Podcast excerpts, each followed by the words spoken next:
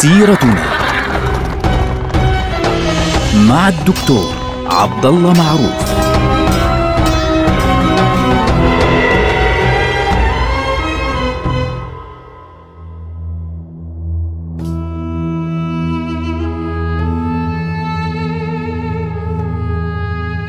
السلام عليكم ورحمة الله وبركاته. سيرتنا سيرة هذه الأمة العظيمة، ونحن الآن في المرحلة العظيمة، مرحلة الحروب الصليبية التي يعني تمثل فعليا واحدة من أعظم قصص الملاحم الإسلامية فعليا في مواجهة الاحتلال الأجنبي الفرنجي الذي جاء إلى بلادنا وأخذ هذه البلاد بالقوة وبالمذابح.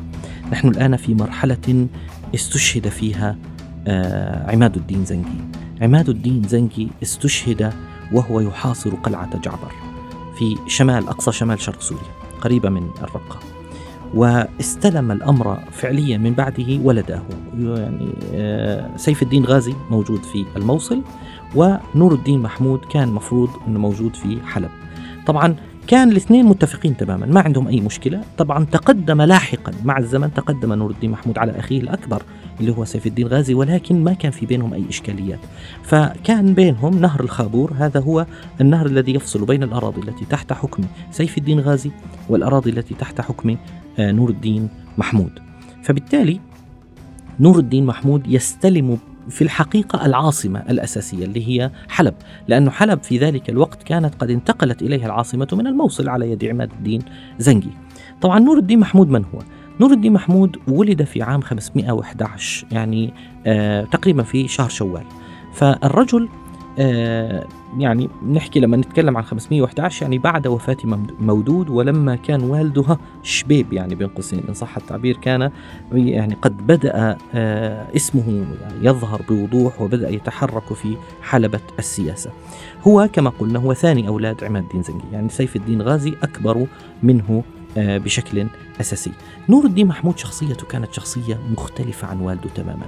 والده كان يميل دائما إلى الحسم العسكري يعني هو رجل عسكري.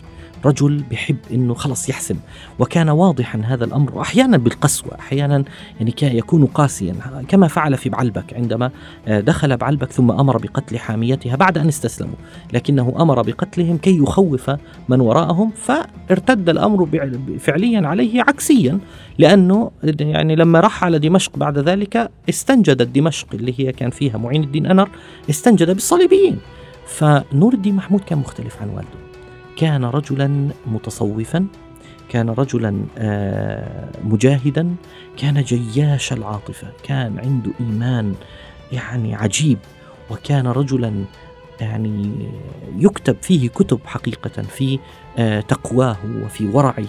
ولا يعني مثلا صح عنه أنه لم يشرب الخمر في حياته. في ذلك الوقت كانت الأمور يعني غريبة وصعبة وكان أغلب الأمراء يشربون الخمر باعتبار انه والله هذه يعني تصلح للأمراء.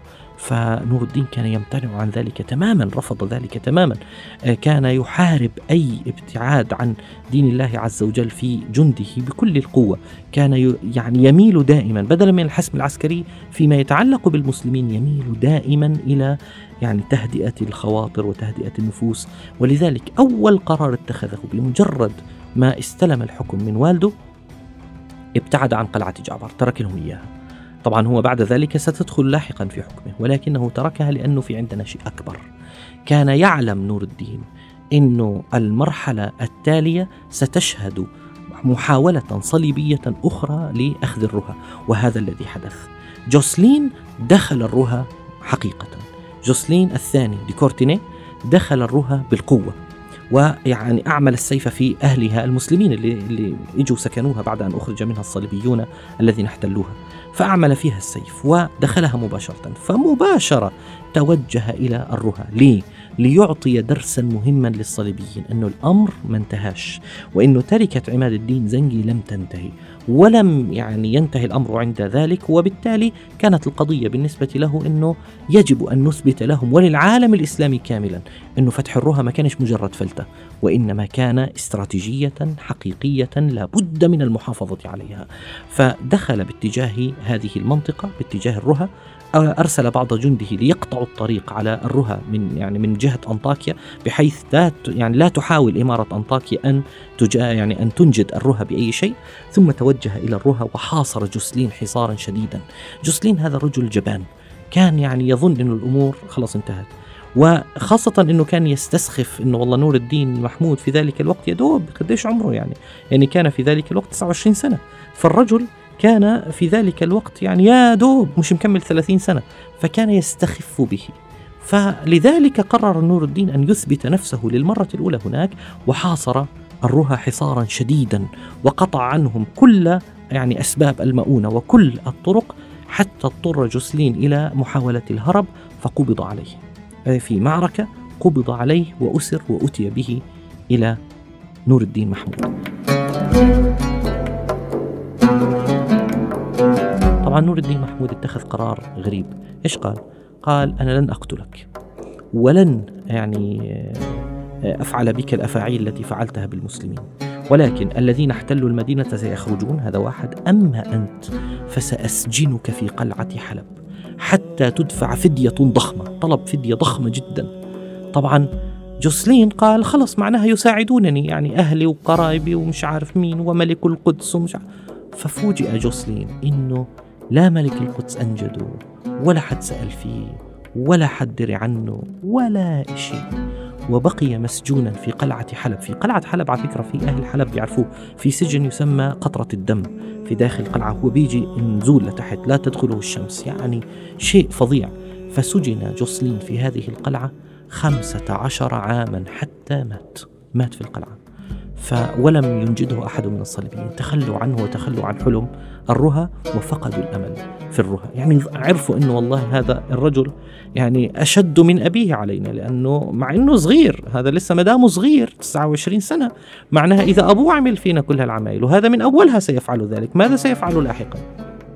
لاحظتوا كيف؟ فالفكرة كانت أن نور الدين محمود يريد أن يثبت واقعا جديدا في هذه البقعة عنوانه أن الأمر مستمر وأن الجهاد ضد الاحتلال الفرنجي مستمر بدأ بعد ذلك يتحرك باتجاه آه، عدة مناطق خاصة أنطاكيا ليضايقها ويثبت حكم حكمه في هذه المنطقة وعينه على دمشق. ولكنه لن يأتي إلى دمشق مثل ما فعل أبوه.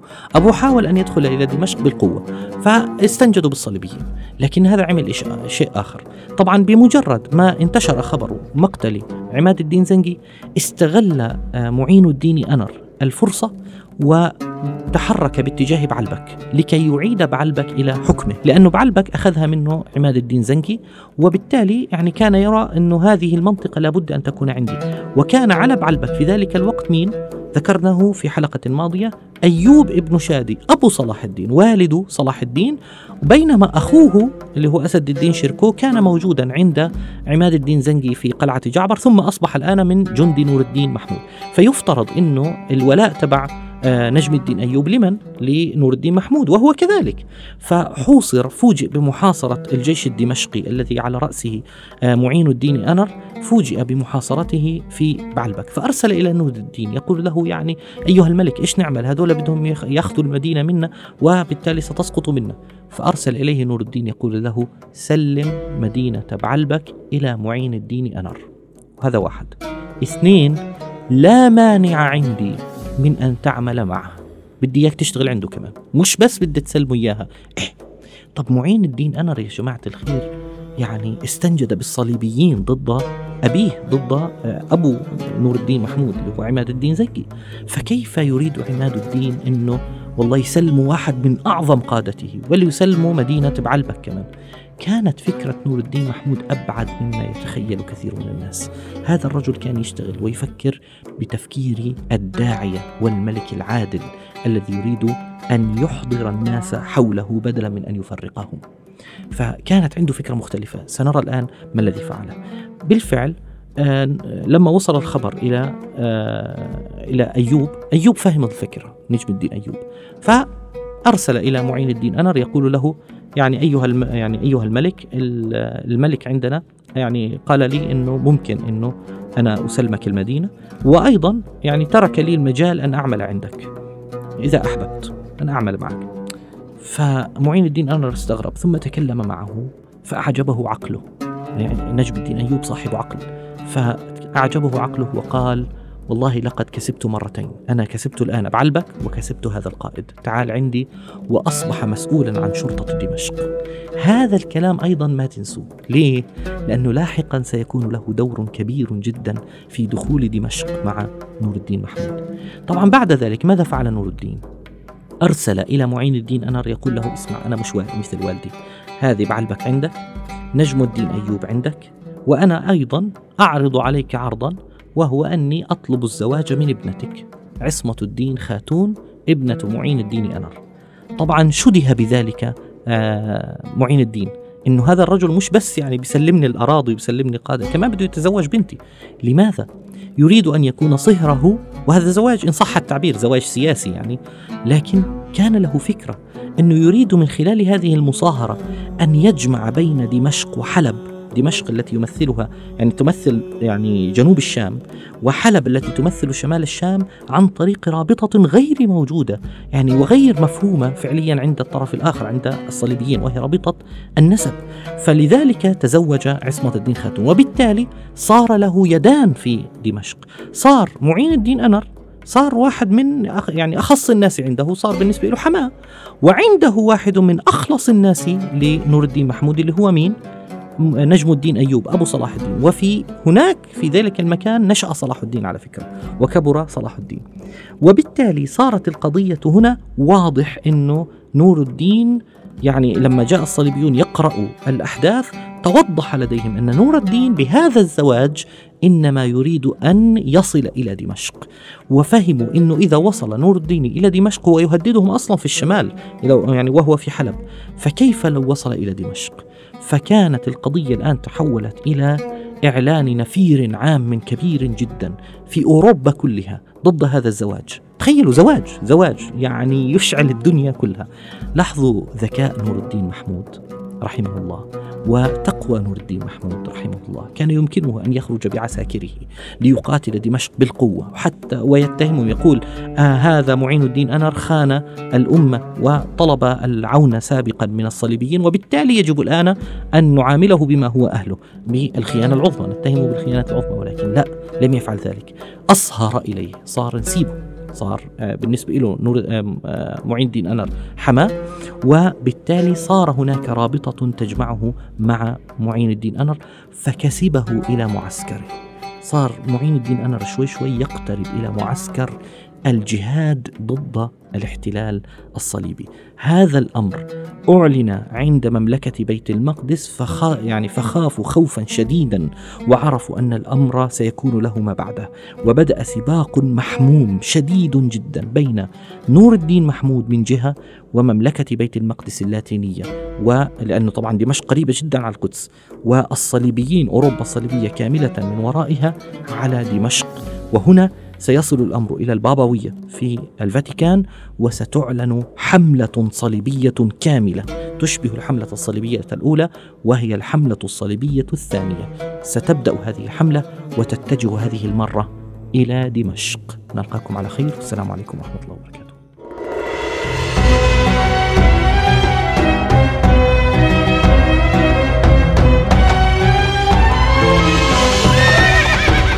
سيرتنا.